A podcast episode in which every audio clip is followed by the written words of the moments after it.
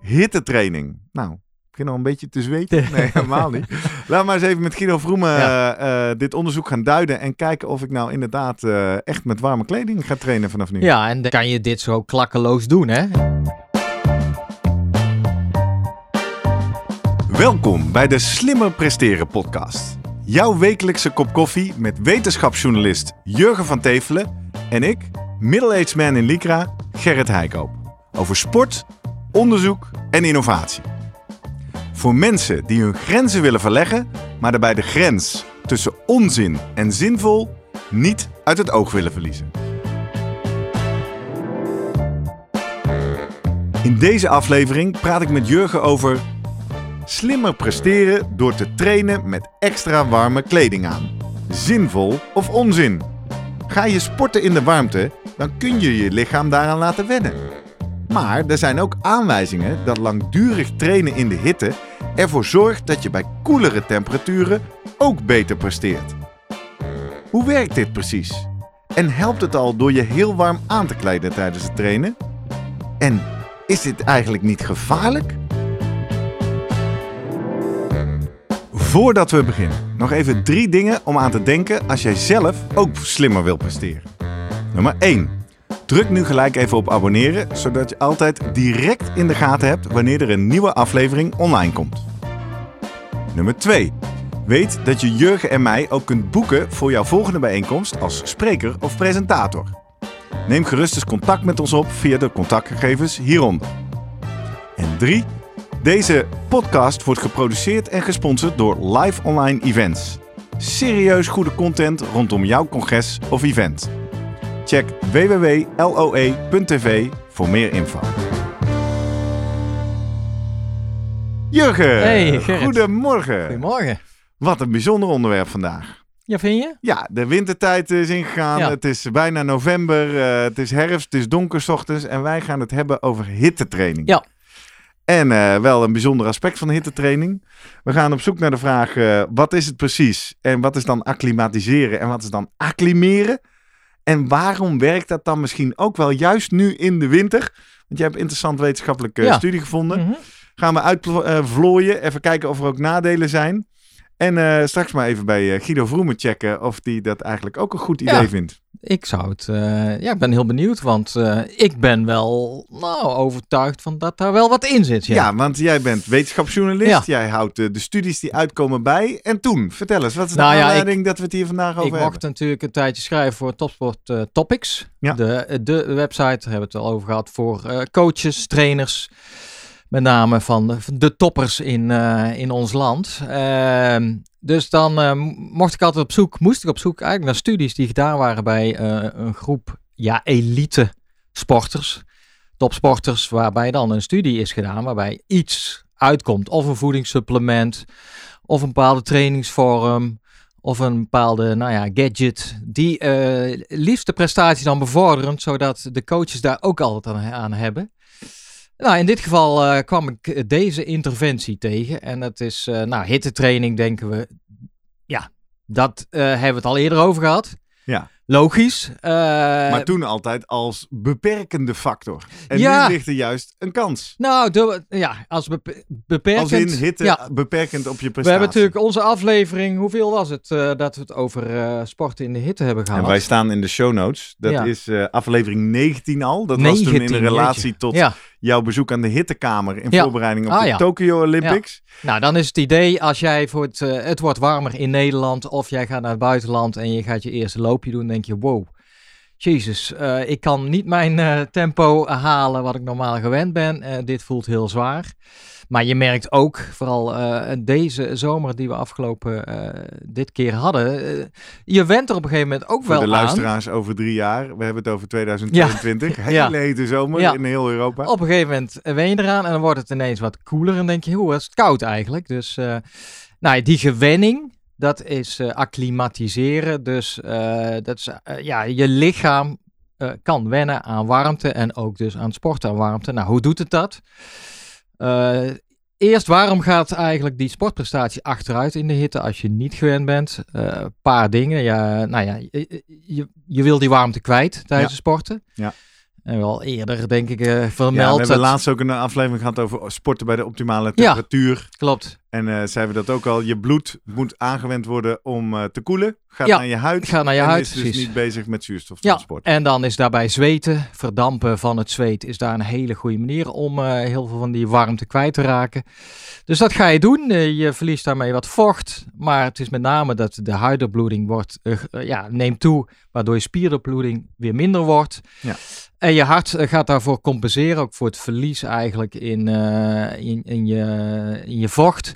Dus de hartslag gaat omhoog bij eenzelfde soort tempo of vermogen wat, je, wat je fietst. Ehm, nou, dat, dat veroorzaakt een prestatiedaling op dat moment. Nou, eh lichaam gaat meteen werken van, merkt van, hé, hey, dit, eh, dit willen we niet. Dus een van de dingen die er gebeuren is in ieder geval dat jouw zweetproductie effectiever wordt. Mhm. Waardoor je sneller eh, of beter je warmte kwijt kan. Eh, en het andere is dat jouw plasmavolume, dus je bloed bestaat uit rode bloedcellen. Enerzijds, aan de andere kant is eh, ja, het vocht, plasma. Mhm. Dat neemt ook toe. Dus je, je lichaam gaat vocht vasthouden, want die denkt van ja, we hebben gewoon meer vocht nodig, omdat we ook meer gaan zweten. En is dit proces toch even heel scherp? Is dit tijdens de inspanning of is dit een adaptatie naar aanleiding van Naar inspanning aanleiding van, want dit duurt ongeveer eh, eh, 7 tot 10 dagen, wordt Precies. altijd gezegd van heb je nodig om te wennen aan. Dus dat zijn de fysiologische veranderingen in het lichaam. Eh, wat je dan gaat zien na 7 tot 10 dagen is eh, dat daarmee tijdens die inspanning je houdt hem beter vol. Je kan wel je tempo's draaien. En belangrijk eh, is dat je dat kan aflezen eigenlijk uit je kerntemperatuur. Mhm. Want die blijft dan mooi laag. Lees onder de 38,5, 39 graden. Want in het eerste geval, als jij niet gewend bent, dan gaat je, kan je warmte niet kwijt. Nou, ondanks eh, die, huid, die extra huidopbloeding, gaat jouw kerntemperatuur stijgen. Nou, dat wil je niet, want het lichaam gaat op een gegeven moment zeggen: Ho, eh, dit is slecht voor ons. We gaan eiwitten, die gaan kapot, en noem maar op. Eh, en dat ligt ergens daarbij die 39,5, 40 graden. Krijg je eerst die eh, oververhitting en later, als het echt slecht gaat, hittebroerte. Ja, Ook hebben we het over gehad. onlangs, Nou ja. eh, over gehad, een paar weken terug Ja. in aflevering 113. En dus je moet die kerntemperatuur laag houden, ook on- in warme omstandigheden. En nou, daar past je lichaam zich aan in die week tot 10 dagen. Ja. En dat was bekend. En toen we acclimatiseren, later zei ze, ja, maar je hoeft helemaal niet naar het buitenland om dat te doen. Je kan ook prima een sauna opzoeken, een hittekamer. Of zelfs, en dat is nog een beetje, eh, ja, de ene keer wordt dat wel aangenomen, de andere keer niet. Na afloop van inspanning in een behoorlijk heet bad te gaan zitten. Oké. 40 graden, dat lang volhouden.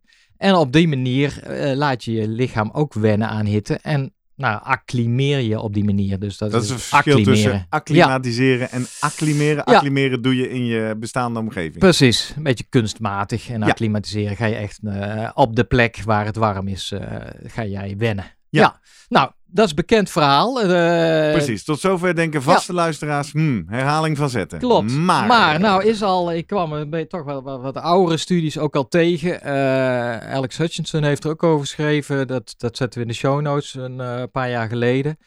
En het was eigenlijk vanaf begin af aan zeiden mensen van ja, maar ik heb ook het gevoel dat mensen die op die geacclimatiseerd zijn, ook beter presteren wanneer zij weer thuis op koele temperaturen eh, aan het sporten zijn. Ja, want Dus- ik kan meteen al mee beredeneren. Effectiever zweten, Ja. meer bloedplasma. Ja. Ja, da- als je dat niet hoeft in te zetten om de hitte te lijf te gaan, ja, dan heb je Ja, dat je gewoon er- beschikbaar voor je prestatie. Ja. Ehm, alleen, eh, ja, het ging een beetje allebei de kanten op. Het werd niet eh, structureel aangetoond. En wat mensen zeiden heel vaak, er was geen controlegroep. Hey, ja, maar ja, wat wil je? Jij bent naar het buitenland geweest. Ah. Jij hebt wat harder getraind. Ja, vind je het logisch dat als jij terugkomt, eh, dat jij eh, beter presteert? Dus dat is weer die nuance die we ook tegenkwamen in aflevering eh 16 Ja. over de zin en onzin van hoogtestages. Klopt. Die, dat we zeiden, het idee dat je daar meer rode bloedlichaampjes zou krijgen is een fabel. Dat gebeurt niet. Maar ja, je bent wel op trainingsstage. Ja. En dat heeft sowieso een positief Ja, effect. ik moet dat toch ook wel wat een beetje nuanceren, fabel. Of in ieder geval de, de verwachte Je hebt veranderingen. vertellen dat Ja. niet, niet aangetoond Zin wordt. of dat er-? Nee, dat klopt. Als je het met die placebo. eh De nuance hebben we nog ook ja. met eh, Louis de La Haye Ja. over gehad. Dat het effect van een trainingsstage in de bergen helemaal gefocust heel groot kan zijn. Ja. Maar dat je het niet terug gaat zien in de hoeveelheid rode blik- Klopt. En dus dan is eigenlijk, eh, ja, zijn er waarschijnlijk ook nog andere effecten, waarvan een psychologisch effect, mentaal, uitgeruster, heerlijk in de bergen. Dat, valt gewoon niet uit te sluiten daar. Precies. Eh, En dat werd dus hetzelfde gezegd over die Ja. hitte-stages in feite. Dat ze zeiden, ja wacht even, dit, je moet een controlegroep eh, Nou, gebruiken. en eigenlijk bleef het een beetje op en af. En, eh, maar waar de mensen de fouten ingingen, die... eh, de mensen, de onderzoekers. de onderzoekers. Of tenminste, ja, het is niet de fout, dat is voortschrijdend inzicht. Ehm, de Noren die deze studie, die ik nu heb samengevat voor Topsport Topics, eh, die, hebben dat, eh, die zijn er al lang mee bezig. En die waren ook eerst in het kamp, nee, het is eh, onvoldoende. Want ja, plasmavolume is wel aardig om te zweten. Maar onder koude temperaturen eigenlijk, koele temperaturen, is dat zweten, doe je niet zo heel veel.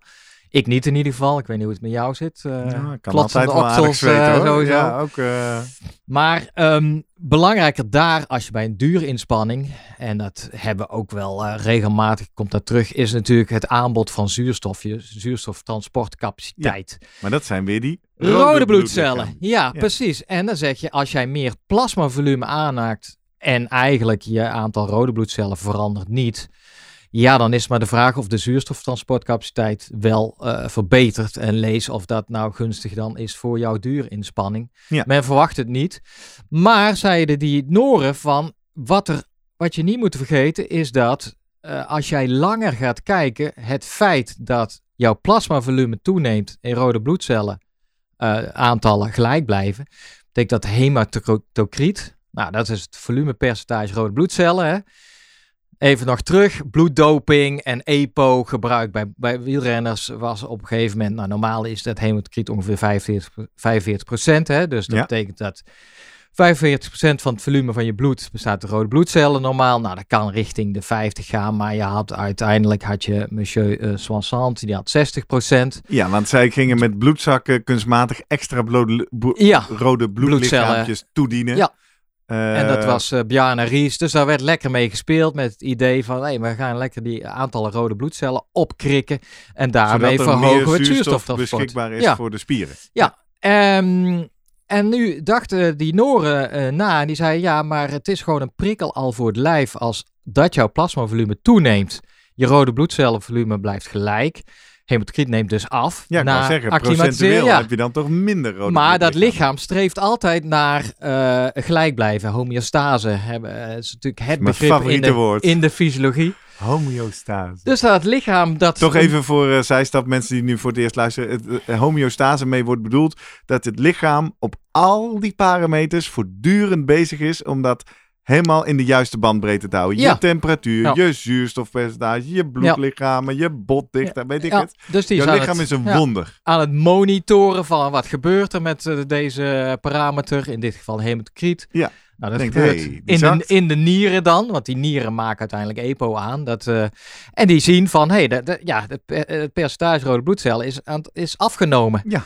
Ons In dit geval relatief, omdat Ja. er meer plasma is. Dus die zeggen, nou, dat, eh, dat bevalt ons niet. Dat is toch een, een signaal wat aangeeft, er moet, eh, de productie van rode bloedcellen moet opgekrikt.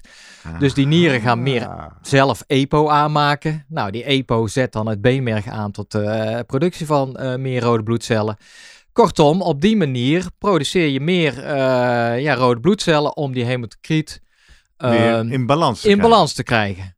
Ehm, toen hebben die Noren gedacht van nou, als dat het geval is, misschien is er dan wel nog een gunstig effect, maar moet je veel langer wachten.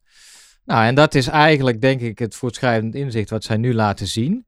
Dat zij bij een groep eh, goed getrainde wielrenners, Ja, dat is de, deze groep publiceert heel vaak en altijd met elite eh, wielrenners Hmm. met een hoog VO2 max. Het is tricky, hè? Natuurlijk, vorige week heb jij onze Duitse professor aan de tand gevoeld. Zegt, hey, al jouw studies Ja. zijn bij eh, beginners. Ja. Maak dat uit. En toen zei hij ook, dat is een fundamenteel probleem in de sportwetenschap. Klopt. ja. Dit is de andere kant van de schaal. Dit is dus bij elite. Dus Ja. moeten we wel in de En gaten dat, houden. dat merk je wel, dat zij, ja, zij publiceren daardoor eh, behoorlijk veel, maar nog wel heel vaak, ook in deze studie, 30 wielrenners is het toch nog lastig om echt hele duidelijke, significante effecten te vinden.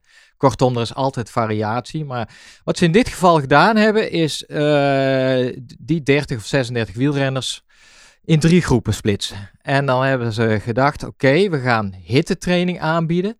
Maar daarvoor hoef je niet naar de eh, Canarische eilanden of eh, Zuid-Spanje. Jammer. Al die atleten dachten, yes! We gaan het gewoon een, eenvoudig aanpakken. We laten jullie gewoon je training doen zoals je normaal doet. Dat was wel in de voorbereiding van het seizoen. 13 uur per week trainen ze. Oké, pittig. Valt, ja, is pittig Ja, aan is kant, maar misschien. Ja. voor profwielrenners Ja, valt dat wel weer Wie mee. hebben we in Nou ons hoofd? Ja, we hebben mensen die trainen 20 plus uur en we hebben atleten die trainen 3 uur. En Nou, dan hebben ze eigenlijk in de eh, één groep gezegd, nou, train zoals je het altijd doet. En jij hoeft niet de warmte op te zoeken. Die andere twee groepen hebben gezegd, jij moet minimaal eh, vijf keer in de week 50 minuten eh, trainen in de hitte.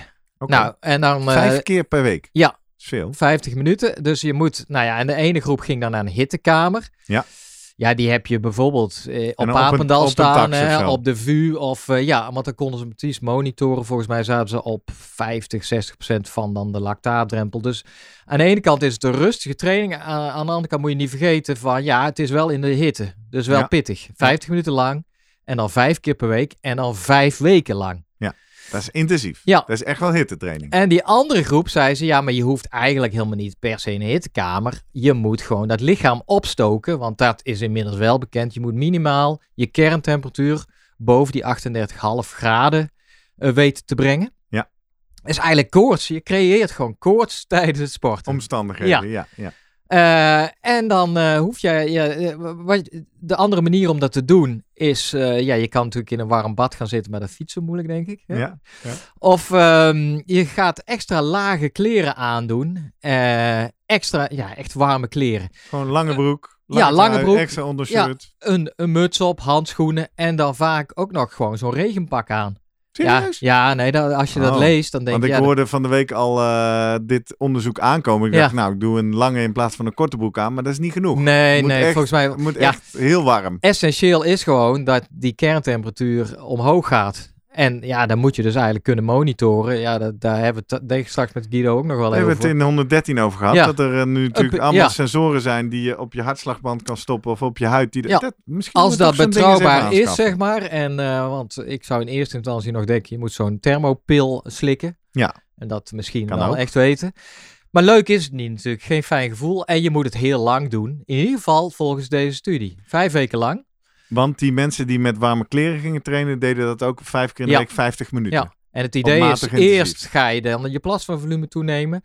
Dat is dan een signaal om meer eh, rode bloedcellen aan te maken. En at the end zelfs eh, verlies je toch ook weer plasmavolume. Wat Waarom? is die end? Ja, nou ja, na die vijf weken. Want Oké. zij meten Als je uiteindelijk... stopt of in die vijf weken. In die, aan het eind van de vijf weken doen ze weer hun metingen. En waar zij met name naar kijken is het eh hemoglobinegehalte. Ja, dat Nou, is de waarde van de aantal rode bloedlichamen. Ja, je hebt hemocriet, had ik het over. Dat is echt het volumepercentage rode bloedcellen. Hemoglobine, dat zit eigenlijk in je rode bloedcel. En dat is het eiwit wat de zuurstof bindt. Oh ja. En eh, zorgt eigenlijk voor dat, ja, die Ik zuurstoftransport. eh, vertelde namelijk dat we deze aflevering gingen maken tegen een eh, ons bekende gezamenlijke kennis IC-verpleegkundige. Ja. En die riep meteen, wat gaat dan echt je HB-waarde Ja. omhoog? Dat Nou, kan dat- ik niet geloven. Dat is het. nou, hij Ja. kon het niet geloven. Hij was zeer sceptisch. Ja. Dus dat meten ze dan. En dan zien ze die omhoog gaan na vijf weken in allebei de groepen die die hitte opgezocht hebben. Ja. In de controlegroep niet.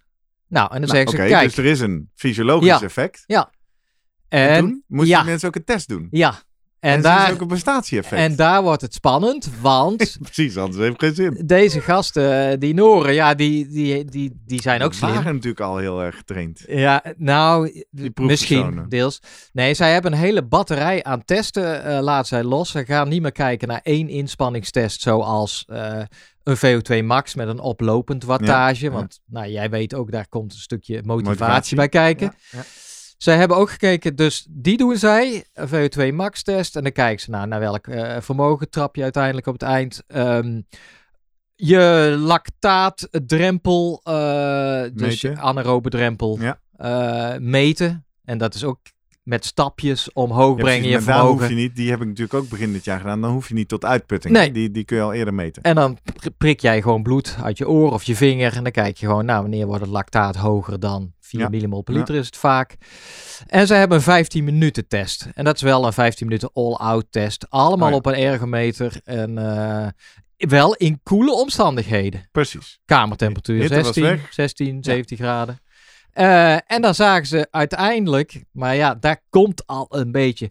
Als zij dan die twee groepen samen brachten, Ik word Dus te veel sceptisch in de sceptisch hittekamer en eh, de, de, de, de mensen met extra kleding, dan vonden ze duidelijk een, een ja, meer vooruitgang in die groep ten opzichte van de controlegroep. Want die trainen natuurlijk ook gewoon door. Dus ik zou zeggen, halleluja, slingers uit. Ja, Maar je nou ja, dus ik vind het altijd wezen. een beetje gek. Je begint eigenlijk met drie groepen. Ja? En je merkt voor de analyse, ja, ik moet die twee groepen toch samen eh, eh, komen. op- Oh, want die groepen los hadden niet genoeg prestatieverbetering. Maar, zei ze, het interessante was Ja, eigenlijk maar dat dat... komt natuurlijk ook door het hele kleine aantal proefpersonen. Ja, 13, de 13 per groep. Mhm. 26, ik vind dat best wel, nou ja, maar dat klopt. Dus dat, dat speelt mee.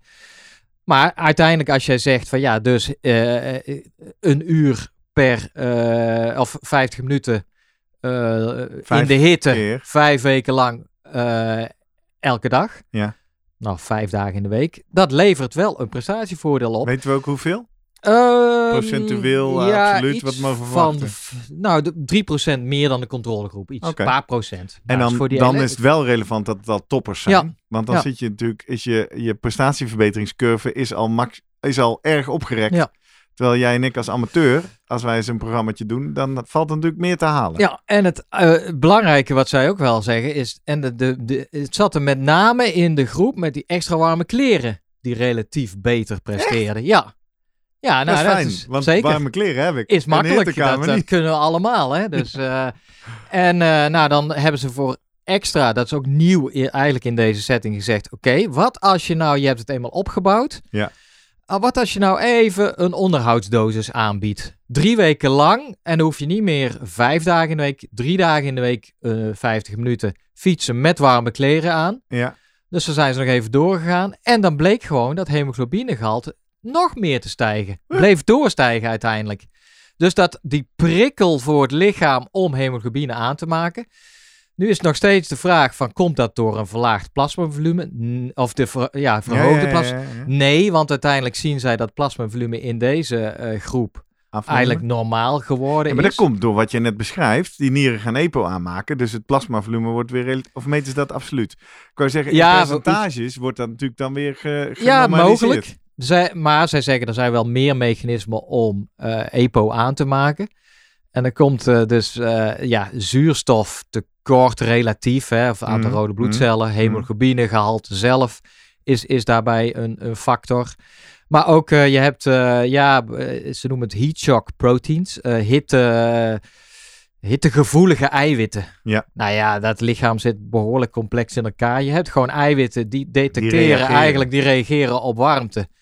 En eh, op de een of andere manier zit er waarschijnlijk een verbinding tussen de productie van die, eh, die hitte-eiwitten, die dan in de, nier, de nieren gaan vertellen, ja, dit, eh, dit, dit is signaal is een, ja, het is warm, Eh, maak voor de zekerheid maar extra rode bloedcellen aan. Mooi. Ja, en dat Hebben bedoel, deze Noren ook bestudeerd hoe lang dit effect nee, dat is blijft. Dus- duren? Want Dus ik kan zij zeggen nu uiteindelijk, als je dus op deze manier vijf weken even intensief en drie weken wat rustiger blijft trainen met die warme kleren aan, dan, eh, kom je uiteindelijk een eh, toename in je hemoglobinegehalte van nou, 5,7 of 6 procent. Zo, En dat is behoorlijk. En, want deze groep heeft ook veel in eh hoogtestagestudies gedaan. Die zegt, nou, Dezezelfde groep. ja. Ja. En dit is veel beter effect als je kijkt naar hemoglobinegehalte dan, een hoogtestage. Oeh, Dus zij, ik hoop dat je nog luistert. zitten een beetje te prikkelen van, ja, al die gasten die zo nodig allemaal naar het buitenland moeten en dan eh, in Mexico, Colombia of noem maar op,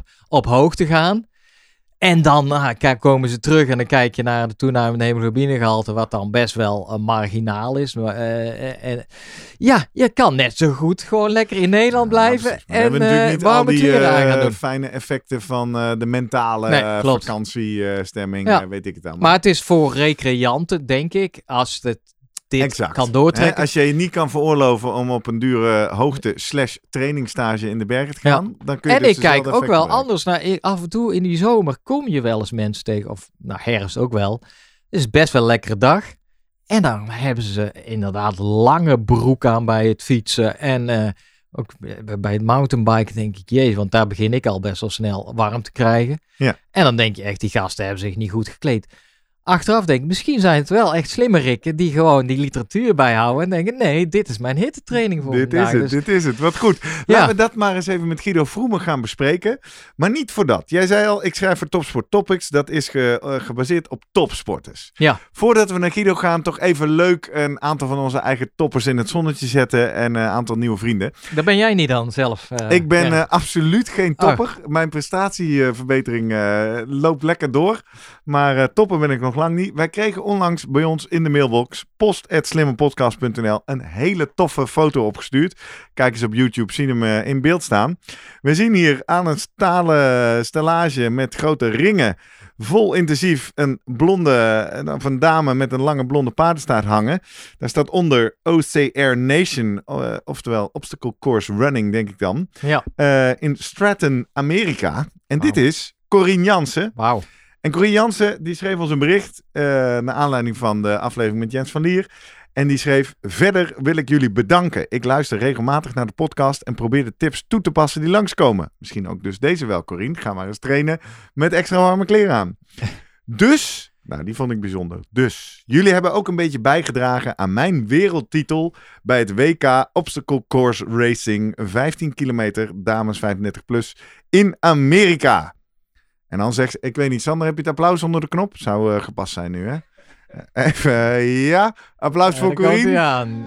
Cheering heet hij. Ah, je hebt hem niet onder de knop zitten, jongen. Ach man, te laat. Ja, hè, hè. Deze is voor jou, Corine. Superleuk. En dan sluit ze haar bericht af. Ik zal mijn lidmaatschap, vriend van de show, dan ook verlengen. Nou, dankjewel eh Corine. Eh, wat fijn dat je erbij bent. Inmiddels zien we dat al meer dan 100 eh, mensen dat gedaan hebben. Ik blijf sowieso, ik vind dat toch altijd bijzonder, die cijfers. Ik, ik, zie het. Het zijn statistieken. Duizenden luisteraars per week. We zijn regelmatig structureel de best beluisterde podcast in de categorie hardlopen. Ja, beter dan de Pacer. Ja, ook beter dan de Pacer. Ik kan het ook bijna niet geloven. Maar de data laat het zien. En we zien dus heel veel mensen die nu net als Corine zeggen... ja, vriend van de show. Ik eh, word het ook, net zoals eh, Harold Merts en Christine Hiemstra... en Monique Kappert en Jim Hoefnagels en Chad... En Chantor Pascal van Beek en Peter Smit en Charlotte van Westerhuis eh, zijn allemaal recent... hebben zij één kop koffie per maand gedoneerd om onze podcast te supporteren. En die laatste naam, ja, ik doe nu even een blokje fanmail, hè, want eh, Mhm. nogmaals, ik kan het toch niet helemaal geloven. Charlotte van Westerhuis, die schreef ons ook eh, een prachtige mail. Die heb ik echt al eh, meerdere keren aan diverse mensen voorgelezen, Charlotte. Zo tof vind ik hem, dat ik hem nu ook maar even in de uitzending wil voorlezen. Dag mannen, schrijft Charlotte. Eindelijk heb ik mij ook aangemeld als vriend van de show. Waarom het zo lang heeft geduurd, vraag ik mezelf ook regelmatig af. Want de afgelopen 2,5 jaar heb ik met zoveel plezier naar jullie podcast geluisterd. Helemaal omdat er zoveel herkenning is geweest, aangezien ik de afgelopen twee jaar de Master Human Movement Sciences Sport and Nutrition in Maastricht heb gevolgd. En met mijn fysiotherapeutische achtergrond was ik net als jullie continu op zoek naar de toepasbaarheid van de vele onderzoeken die we onder onze neus geschoven kregen. Maar ook de vele onderzoeken die jullie hebben besproken van veel van mijn docenten. Met als kers op de taart mijn afstudeeronderzoek bij Kristen Jonvik in Noorwegen, die van het bietensap. Kortom, bedankt mannen voor de vele trainingsuren zoveel leuker maken met jullie podcast op de, uren, eh, op de oren. Het studeren leuker maken door op een andere manier stof tot je te nemen. En het laten zien aan zoveel mensen dat onderzoek ook hartstikke leuk kan zijn. Toch echt bijzonder? Ja, zeker. Ja, nogmaals, ik zie ook wel dat er duizenden mensen luisteren Ja. iedere week. Maar dit soort unieke berichtjes, we hadden laatst al Jeroen Vos, deze mails, ik vind dat toch wel heel tof. Ja. Laten we dan nu ook maar zeggen, al die berichtjes, die mensen die denken, ik hoor nooit wat terug. Wij lezen het allemaal. En soms denk ik dan, oh, dat is zoiets moois. Daar moet ik even rustig voor gaan zitten om goed te antwoorden. En voor je het weet zijn we twee weken verder. Ja, Dus, eh, want eh, dat, sorry dat daarvoor. soort grappen met die boeken en zo. Toen eh, keek ik ook even in de mailbox. Het maar boek die- van Jens van Lier, Ja, die- ja. Dat wel storm, even. Toen dacht ik, moet ik daar allemaal gaan lezen en reageren? Nou ja, gelukkig Ja, eh, nam jij die taak op. Ja, maar, ja, eh, ja. Dus ehm, Ja. leuke, leuke. da- Leuk dat we zo'n mooie community worden. En steeds meer vrienden van de show sluiten zich ook aan bij de Slimmer Presteren Strava Club. En die maken ook gebruik van die 25% korting in de webshop. Hè? Dus als je nog geen vriend van de show bent, misschien is dit dan net het moment dat je denkt: ik ga naar vriendvandeshow.nl slash slimmerpodcast en ik sluit me aan. Ehm, terug naar het onderwerp van vandaag. Hittetraining. Nou, begin al een beetje te zweten. Nee, helemaal niet. Laat maar eens even met Guido Vroemen Ja. eh, eh, dit onderzoek gaan duiden. En kijken of ik nou inderdaad eh, echt met warme kleding ga trainen vanaf nu. Ja, en denk ik ook wel interessant van ja, kan je dit zo klakkeloos doen? Hè? Ik bedoel, dit is allemaal natuurlijk mooi gemonitord door onderzoekers. Die staan er natuurlijk bij als jij in die hittekamer bezig bent of maar met die zijn warme er kleren. ook gevaren? Ja, ik denk ergens ja, oververhitting. Dat wil je niet. Nee. Maar, We gaan zoomen met Vroemen. We gaan zoomen met Vroemen. Zoom, zoom, zoom. Vroom, vroom. Guido, goedemorgen. goedemorgen Guido. Goedemorgen, heren. Zit Koffie je er, erbij? eh, ja, kopje koffie. Zit je er warmpjes bij? Ik zie korte mouwen. Ja, jongen, ik stok hier echt eh, alles plat. Dit, Nee. Jij zit in een soort hittekamer, zie ik. Oké. Ja, ik, ik heb me maar aan het voorbereiden op warmte. Volgens mij gingen we het daarover hebben. Ja. Dus ik denk, ik moet niet te veel aan hebben, want het is hier zo warm. Ja, of juist wel. Dat is dus de vraag die we aan jou gaan stellen. Jurgen heeft ons net bijgepraat over eh, eh, fascinerend nieuw Noors onderzoek. Met eh, alle bijkomstige effecten. Nou, je hebt het zelf ook even kunnen lezen. En we zijn nu natuurlijk benieuwd om van jou te horen. Enerzijds als topcoach, of in ieder geval coach van serieuze atleten. Eh, waaronder ik. Moet ik vanaf nu eh, met extra warme kleren gaan trainen? En anderzijds, in jouw, in jouw capaciteit als sportarts ben ik toch ook wel even benieuwd. Zie je eventueel nog risico's of gevaren als mensen opeens met eh, drie dikke truien eh, gaan hardlopen of wielrennen? Maar laten we eerst maar bij de potentie van, eh, van de prestatiebevorderende interventie beginnen. Wat dacht jij toen je het las? Nou, op zich was het niet nieuw. Wel dus dingen die ze zeiden over ehm, toename hemoglobinemassa. Dat was niet zozeer mijn insteek. Dat ik dacht, nou, ehm, daar, ga je, daar ga- je veel winst in halen. Weet wel, als je warmtetraining doet, en dat, dat doe ik wel vaker bij atleten, maar dan met, ja, omdat de wedstrijd die op het programma staat over een aantal weken, gewoon een hele grote kans is dat die in de warmte is. Ja. Dus dan moet je je daarop aanpassen. Klassieke hitte-acclimatisatie. Ja. Maar als je al aanpast, als je dat soort warmte ehm eh, acclimatisatietrainingen doet, dan, ehm, dan, zal er, dan gaan er dingen wel veranderen in je bloed. Maar vooral ga je een groter plasmavolume maken, aanmaken. Eh, Ja. Dus het volume van je totale bloed neemt wat toe. Met name het vocht. Dat, Dat is gewoon een aanpassing. Dat je- ja. Ja. precies. En dat is ook, dat zegt, dat is ook zeg maar een prestatiebevorderend effect, omdat je vullingsgraad, dus de hoeveelheid vloeistof, bloed die je in je hebt, die is groter. En dat kan ook een voordeel hebben op de output van je hart. Mhm. Mhm. Meer vulling, meer output. Maar moet ik toch inbreken, want uiteindelijk dat plasmavolume nam uit, in deze studie juist af uiteindelijk. Het Ja. totale bloedvolume bleef gelijk. Maar Ja. eigenlijk de verhouding rode bloedcellen ten, ten opzichte van plasma was daarbij in het voordeel van de rode bloedcellen Voor geraakt. de luisteraars, Guido steekt zijn handen in de lucht Ja, en zegt... zeg snap jij niet. maar. Ja, nou ja, weet je, er zijn, er zijn- ik kan net zoveel studies dan, of een aantal Ja. studies ook, die dat we- wel, hè, weet je, het is een gewoon normaal aanpassingseffect aan warmteacclimatisatie. Hè? Vergroting plasmavolume, dat is heel erg duidelijk. Maar ja, dat ze dat hier dan weer niet hebben, Dat is gek. En Ja. dan denk ik ook altijd van hoe goed kan je, hoe betrouwbaar kan je plasmavolume meten en bloedvolume. Dat zijn ook wel volgens mij best ja, wel discussies plasmavolume over. wel, hè? Ja. Je hebt gewoon, weet je, dat is gewoon zeg maar naar het lab sturen, afdraaien, buisje, onderin zitten de cellen, Ja, bovenop zit oké. pla- Dus eh, hematocriet en plasmatocriet. Ja. Ik dacht even dat je naar iets anders toe ging, maar dan ga ik je dan nu Eh, gewoon vragen. Jij zegt, ik ja. heb atleten die laat ik eh hitte-acclimatisatietrainingen doen. En dan is het natuurlijk interessant, zeker als ze nog in Nederland zijn. Zie jij dan in de trainingen daaromheen, in die weken dat ze dat doen, ook een prestatieverbetering? Zeg maar, zou je dat... Herken je het beeld dat als je geacclimatiseerd raakt, dat je ook beter presteert gewoon in koelere omstandigheden? Nou, ja, dat is heel suggestief. Ja, dat klopt. Natuurlijk. Maar laat ik zo zeggen, dat, dat laat deze studie zien. Dus dat zou je dan hopelijk ook moeten zien in jouw trainingsdata van je atleten die daarmee bezig zijn.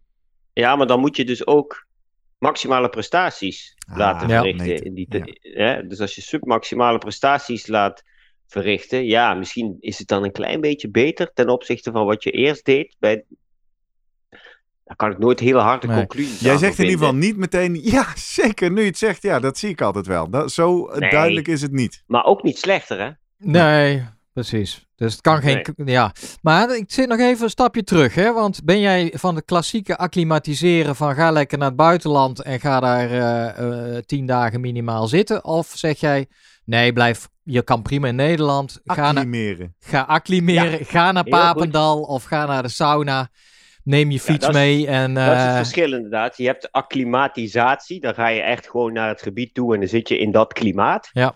En als je daar geen tijd voor hebt, geen geld voor hebt, et cetera, dan kun je het- een acclimatieprotocol doen. En acclimatie is gewoon thuis in een soort labsetting. of in eh, extra warme kleren dus. Ja, maar wat voor een... Dan hebben ze... Dat kon ik niet uit dat eh, artikel halen. Wat hebben ze dan voor een thermosuit aan? Dat Ja, klopt. een paar lagen.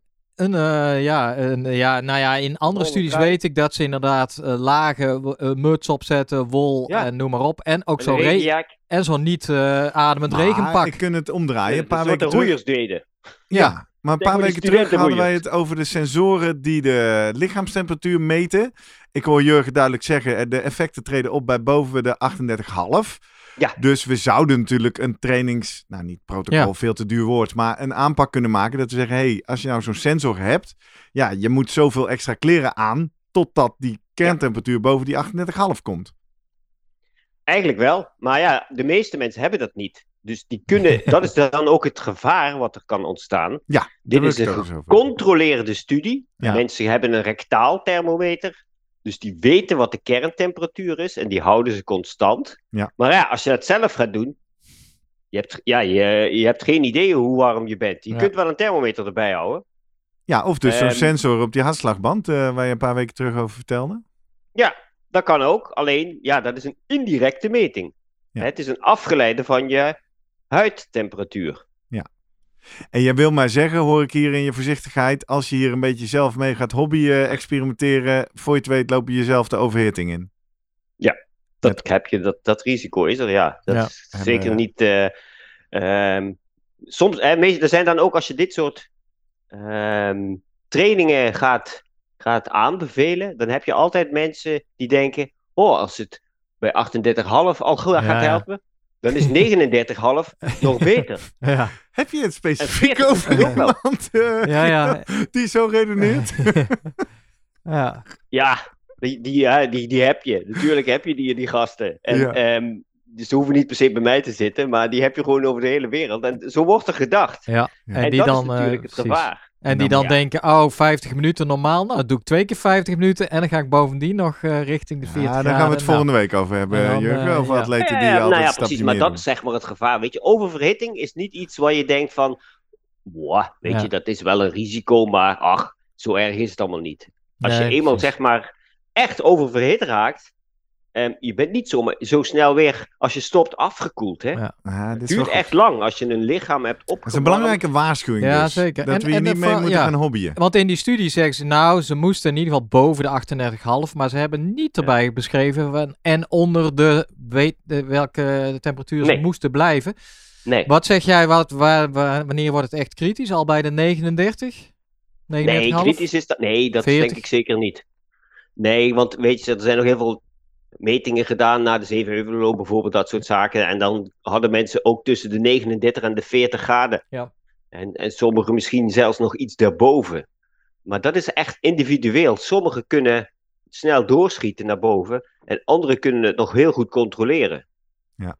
Dus Nou, er we is geen hebben algemene regel daarvoor. in aflevering 113 hebben we uitgebreid over dit thema hyperthermie gesproken. Dus ik raad iedereen aan, dat is pas een paar, vier weken geleden. Dus ben je nieuwe luisteraar, scroll even terug. Ga naar 113, eh, tweede deel.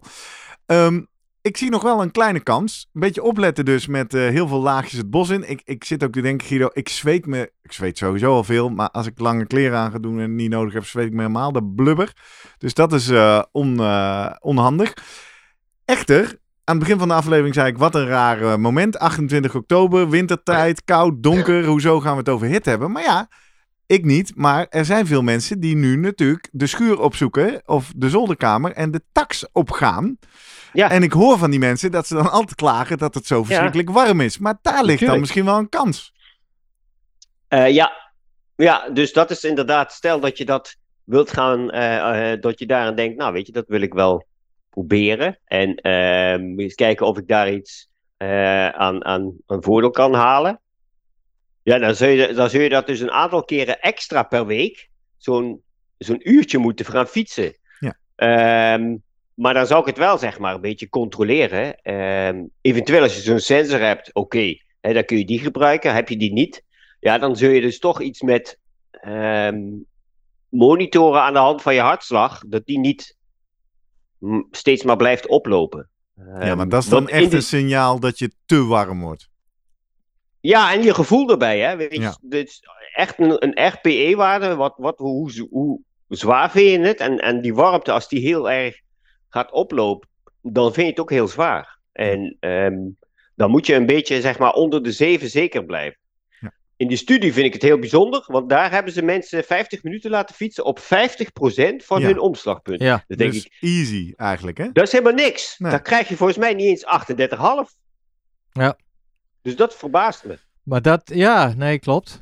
En dat is, maar aan de andere kant, ja, ik verbaas me ook altijd over de studies die laten zien eh, dat je een warm bad na afloop van een inspanning, Ja. dat dat in ieder geval ook eh, eh, ook. bijdraagt aan acclimeren. In ieder Ja. geval in de hitte dan, zeg maar. Maar het is Dus- wel een heel warm Ja. bad, hè? Ja, ik dat is alweer wel andere 39. gevaren. Ja. Brandwonden, Nee, nee, nee. 39 kijk, je temperatuur van een warm bad 39, 40 graden. Ja. En tegenwoordig moet je dat niet doen, want dat kost je echt klauwen met geld. Als je dat in, met gas wil dus Nou, te tenzij je er dan weer met het hele gezin in gaat zitten. Hè? Dan ga jij als eerste bij 40 graden en als hij wat afgekoeld is, Ja. mag eh, vrouw Ja, of dan man... Ik denk een wetsuit aan. Gewoon thuis in bad met een wetsuit. Hè? Kijk. Ja, maar Ja. dat is... Ja. Of op de, en daarna op de fiets. Gewoon op Ja. die tax met je wetsuit. In je wetsuit. Ja, In je wetsuit op de fiets. nou dan hebben we het te pakken. Eén ding Ik- wil ik nog benoemen. IJzer. Je moet wel extra ijzer innemen. Want dat eh, gebeurde in deze studie ook. Werd even terloops gezegd. Ja, ja. Een pilletje ijzer. Nou, eh, hemoglobine eh, voor het binden van zuurstof is ijzer hartstikke belangrijk. Dus als je naar dat hemoglobine kijkt, dan zijn dat paar subunits, vier subunits. En dan zit daar ijzer in het midden. En ijzer is juist de plek waar het zuurstof bindt. Maar en dus wordt... flauwe vraag. Ja. Eh, want ik moet opeens denken aan dat onderzoek wat we laatst hadden bij wielrenners en botontkalking. Ja. Hadden ze ook een programma gedaan. Hadden ze ook opeens voeding gegeven, maar niet gecontroleerd. Is hier een groep geweest die geen ijzer slikte? Slash, Nee. Guido, zal ik gewoon vijf weken ijzer gaan slikken? Heb Nee, ik dan ze ook, hadden eh, allemaal, zelfs de controlegroep kreeg hier ijzer. Guido en ik, zit eh, heftig knikkend in beeld. Ja. Kan ik daar iets Ja, van ja. verwachten? Ja, nou ja, weet je, dus dat is een factor die ze erbij hebben gedaan. Dan denk ik, ja. Maar dan had je dus ook dezelfde groep mensen dit moeten laten doen zonder Ja. dat ze dat ijzer kregen. Want daar kijk je juist naar. Dat is een van de factoren waar je naar kijkt. Dan denk ik, nou, dat is dan, ja, dan kun je niet keihard zeggen eh, dat het helpt. En zeker niet als je achteraf kijkt. Ehm, die twee groepen die bij elkaar worden gegooid. Ehm, de ene met de suit en de ander niet. Hè, die je dan klassiek in een kamer heeft getraind. Dat het apart geen Ja. eh, bij de eh, mensen die in die kamer hadden gezeten niet zo'n effect had. En mensen met, met kleding aan wel. En bij elkaar had het ook effect. Ja. Ja, nee, het was, het was net even... Oftewel, er is die vastspraken van responders en non-responders ja, misschien. zeker. Maar die Zo. hebben ze niet eens Ja, ingezet. het is allemaal net op het Ja, randje. en de groep- Ja, Je hebt, ja, als je kijkt naar de, de groep die ze gebruikt hebben, het waren 35 topwielrenners met een gemiddelde VO2 max van, van 77. Ja. Nou, daar zitten wij denk ik in ons Maar daar hadden wij het eerder in de aflevering over. Je zou ook kunnen zeggen, bij deze mensen is de prestatiecurve al zo ver doorontwikkeld dat interventies weinig zin meer hebben. Misschien heeft bij een amateur juist wel meer effect dan, toch? Ik, zeg, laten we de studie gaan opzetten. Nou, daar gaan we Kijk. weer. We krijgen het nog druk. We krijgen het nog druk. Ik ga wel in de controlegroep, ja? Ja. ja. En dan, Hey, ehm, dan komen we tot de eindconclusie. Slimmer presteren door te trainen met extra warme kleren aan. Eh, zinvol of onzin? Ehm, onzin is een Ehm. groot woord. Zinvol is ook een te groot woord als ik jullie zo beluister. Maar wat moet ik hier nou mee dan? Ja, je, en, en het is, je moet het ook weken volhouden dus, in ieder geval. Ja. En een, eh, ja, eh, Dus misschien is wel de grootste kans voor onze taxers. ja, Die vijf keer Ja. in de week in een warme kamer Precies. gaan taxen. Als Ja. die nou eens in hun hoofd Ja. inprenten ja, dat dat super zinvol is. precies. Dan hebben we nog een, een beetje extra placebo-effect. Ik zou niet aan een wedstrijdje dan meedoen op tax, maar gewoon een, Nee, rustige duurtraining. Ja. En eh, eigenlijk kijken inderdaad of jij je temperatuur kan monitoren, of die echt... eh dat je ja, maar dat is een belangrijke waarschuwing Ja. van Guido. Ga hier nou niet te veel mee lopen hobbyen.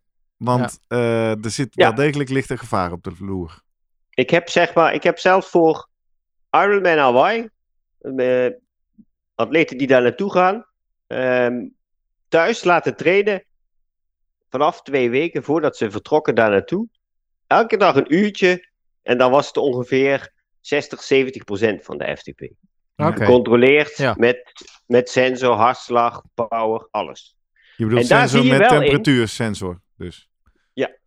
Ja, en daar zie je wel in dat de eh, respons, als je die, dat vermogen trapt, uiteindelijk een minder hoge temperatuurstijging geeft en minder hoge hartslagstijging geeft na die twee weken. Ah ja. Ja. Kortom, jij hebt gevalideerd dat acclimeren aan de hitte werkt. Nou is dus de vraag, als we deze mensen niet in Kona, Hawaii in de hitte hadden laten racen, maar lekker hier in Nederland met 12 graden, hadden ze het dan veel beter gedaan. Nou ja, weet je, als ze terug zijn, kunnen, kan ik dat op hun eh, schema zetten. We, we, je hebt nu Kona gedaan vorige week, je bent weer thuis. Volgend weekend ga je hetzelfde in, eh, in Nederland doen. Almere. Lekker, lekker in de ja, polder. ik, we zetten het parcours af Ja. en we kijken wat het wordt. Dat Ja. kan niet, Guido, want dan eh, hebben we die, eh, dat herstel van die eh, hele Ja. race zit er nog in natuurlijk. Ja. Oh, Ja, oh nou ja, oké. Ik hoor hier wat sceptisch in de kamer, dus eh, we blijven de, ik blijf de literatuur volgen. jij blijft het volgen. Eh, we Ja, kunnen in ons hoofd printen, als je een keer verkeerde kleding hebt gekozen en het is wat te warm, Ja. eh, dat is alleen maar goed. Precies. Wees er maar blij mee. En eh, het ja. is goed voor je plasmavolume en dat eh, levert prestaties op. Maar om nou structureel hierin te investeren, een beetje opletten dus. Mooi. Ja, als het oncomfortabel warm wordt, hè, je denkt van, het wordt hier niet goed van. Het begint met te draaien, duizeligheid, misselijkheid. Uit die truien. Kappen. Alles. Kappen. Koelen. Precies. Mooie, mooie laatste toevoeging, eh, Guido. Daarmee komen we aan het einde van deze eh, aflevering. En eh, ga ik voor al die nieuwe luisteraars die deze podcast nu net ontdekt hebben, nog eens een keer uitleggen hoe je nou contact met ons kan zoeken. Ik las eerder in de aflevering al wat mooie fanmail voor. Nou, dat kan op een aantal manieren. Je kan ons vinden op social media. Zijn wij de @slimmerpodcast op Twitter en Instagram. Maken we van iedere aflevering een eigen post, leuke visual. Die kan je dan op Twitter retweeten of hartjes geven. Die kan je op Instagram hartjes geven, waardoor weer meer mensen die post vinden. En je kan ons natuurlijk op beide kanalen gaan volgen en eh DM'tjes sturen. Of je kan naar onze website www.slimmerpodcast.nl. Daar vind je via het menu van alle afleveringen een eigen pagina. Kun je reacties onderlaten. Of je kan die pagina natuurlijk die link even pakken. En rond WhatsAppen naar mensen die zeggen... hey, eh, misschien moet jij eh, als je binnenkort gaat taxen... gewoon een extra truitje aantrekken. Want dat eh, levert wat op. Maar let op dat je niet overhit raakt. Of je kan net zo als ik voorlas, Charlotte... ehm, kan je ons mailen via post.slimmerpodcast.nl Vind het leuk om van je te horen. En zoals eerder al gewaarschuwd, soms duurt het even voordat ik er echt lekker voor ga zitten om iedereen rustig te beantwoorden. Maar we lezen alles per direct en we genieten ervan. Dus doe dat vooral. En als je het nog niet eh, gedaan hebt, eh, halverwege de aflevering, doe het dan nu alsnog. Ga naar vriendvandeshow.nl slash slimmerpodcast. Doneer één kopje koffie per maand. En als je dat nou in één keer voor het hele jaar doet, krijg jij een maand gratis. Dan betalen wij maar één keer transactiekosten. Dus dat is eh, een mooi voordeel. Mooi. Hey, ik refereer er al aan. Volgende week, interessant onderwerp. Trainingsschema's. Ah, En eh, eh, het fenomeen micro-quitting gaan we het Oh. over hebben. Vind ik interessant. ja. Guido, dan ben jij er de hele aflevering bij. Dus daar kijk ik ook naar uit. Tot volgende week, Guido. Ja, Tot volgende Oké. week. Hoi. Hoi. doei.